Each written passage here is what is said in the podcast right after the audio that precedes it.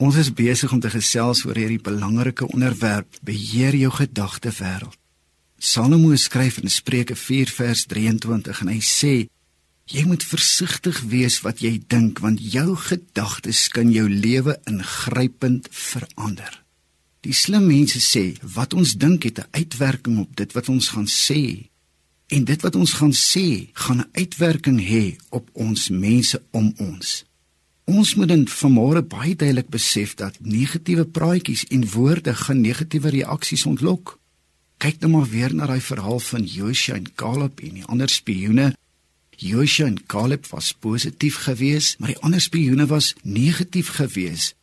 Nou dit wat hulle gedink het, het 'n uitwerking gehad op wat hulle gesê het en dit wat hulle gesê het, het 'n uitwerking gehad op die mense, ja, die volk Israel.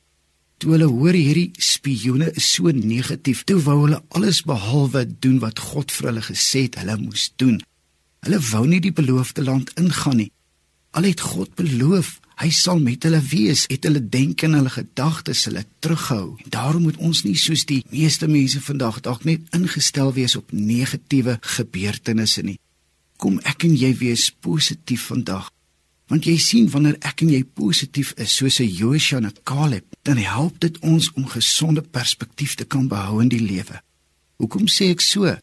Jy sien negatiewe praatjies en woorde ruk gewoonlik goed uit perspektief uit. Dit maak probleme sommer veel groter as wat dit werklik is. Ek en jy moet glo, ja, al klink dit dalk naïef. Daar is meer goed as sleg in jou. Daar is meer goed as sleg in die lewe. Kyk 'n bietjie om jou, jou familie, dalk jou vrou of jou man, jou kinders. Daar's mense wat jou liefhet.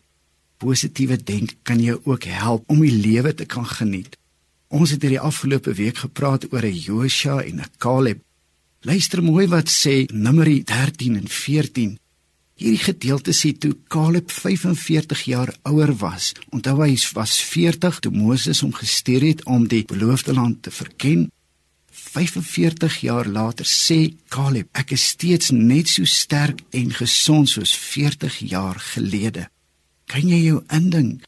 Gesonde lewenstyl, gesonde gedagtes, opbouende denke kan jou help om die lewe te geniet. Dit sal jou nie net help om die lewe te geniet nie, dit sal jou ook help om gesond te kan lewe. Ons het een lewe. Kom ons benut dit voluit en kom ons gee alles wat ons vandag kan om 'n gesonde verskil in mense se lewens te maak. Sterkte met die dag.